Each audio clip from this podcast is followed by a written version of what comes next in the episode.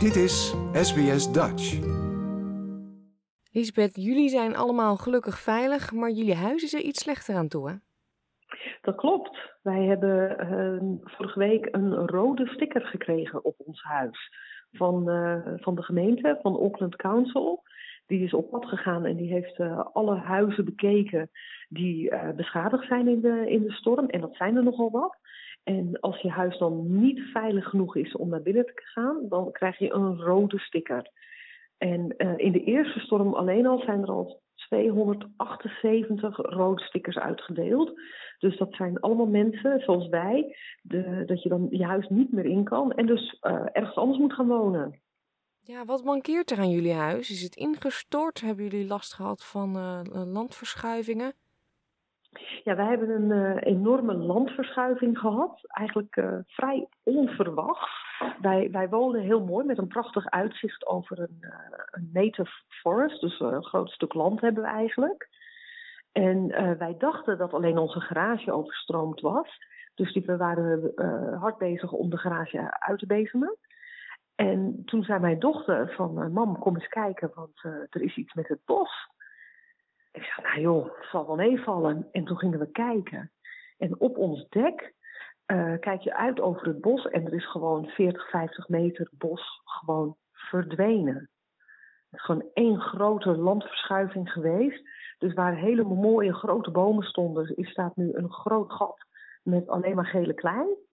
En helaas heeft het, uh, is het zo tekeer gegaan dat het ook wat van onze uh, funderingspalen heeft meegenomen. Dus ons dek uh, hangt, bungelt nu een beetje in de lucht. En die, uh, ja, die funderingspalen zijn er twee gewoon gebroken. Dus die hangen nu uh, ja, in het midden. Dus vandaar dat dat vooral dat dek eigenlijk heel erg gevaarlijk is. Omdat ja, we zijn heel bang geweest dat dat ook naar beneden zou storten. Met de tweede storm. Maar dat is tot nu toe gelukkig niet gebeurd. Maar vandaar wel dat ons huis dus onveilig is verklaard. Ja, en die eerste storm waar je het over hebt, is dat dan twee weken geleden die enorme regen waar jullie mee te maken hebben ja. gehad? Ja, het, is, uh, het heeft zo hard geregend. Het heeft geloof ik uh, in één dag meer geregend dan een aantal maanden normaal. En het was ook echt niet normaal. Het voelde echt als uh, zo'n monsoonregen, zoals je wel eens hebt in Azië. En het bleef maar doorgaan, bleef maar doorgaan. En het hele land is gewoon uh, te nat geworden. En daardoor is de hele boel gaan schuiven. Ja, jij woont dus aan de uh, oostkant zeg maar, van Auckland, Albany. Hoe is de situatie bij jullie in de buurt? Nou, wij wonen eigenlijk al uh, 30 jaar op, uh, op het weggetje. We wonen uh, in North Shore eigenlijk, net buiten Albany. En mijn ouders hebben daar toen de tijd al eerder een stuk land gekocht. Dat hebben wij overgenomen. Toen hebben we nog een huis gekocht. Dus we wonen eigenlijk al 30 jaar, woont onze familie langs dit weggetje.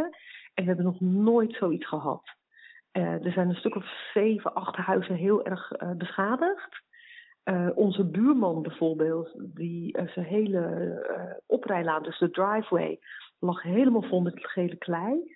Die heeft honderd trucks gele klei moeten weghalen, omdat ze bang waren dat de klei gewoon um, hun hele huis zou wegnemen. Dus dat is een gigantische klus geweest.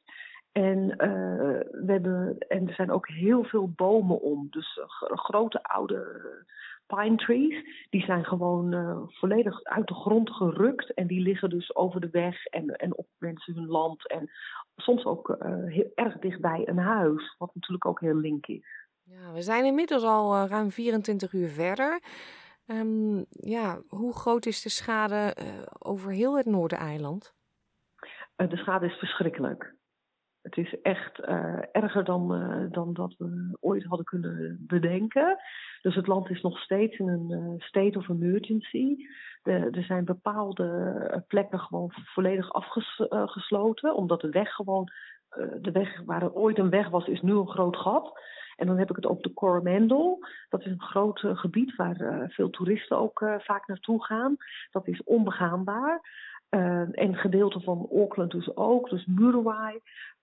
waar Agnes woont, die je misschien net gehoord hebt, dat is ook onbegaanbaar. Daar zitten mensen in een, in een sporthal, zeg maar, om veilig te zijn.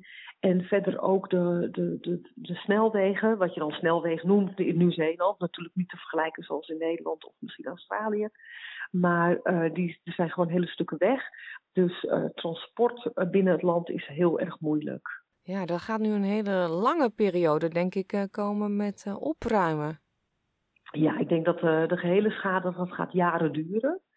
Um, wij bijvoorbeeld moeten nu wachten op een, um, op een uh, geotech-ingenieur van, uh, van de, de verzekering. En wij hebben gisteren een telefoontje ge, gehad dat dat zeker vijf weken gaat duren voordat ze überhaupt komen kijken. Ja, want je dus, bent natuurlijk niet alleen. Ik heb ook gehoord van onze verzekeringman dat bijvoorbeeld alle verzekeringsmensen uit uh, Australië, alle verzekeringsmensen uh, uit uh, Wellington, Christchurch zijn allemaal naar Auckland gevlogen. Want tot nu toe is Auckland toch wel het hardst getroffen. om zo snel mogelijk alle, alle huizen te bezoeken en kijken wat er gebeuren moet. En vergeet niet dat het heel moeilijk is, want ontzettend veel mensen kunnen hun huis niet in. Dus die moeten al, allemaal ergens anders verblijven. En we hebben natuurlijk al een huizentekort.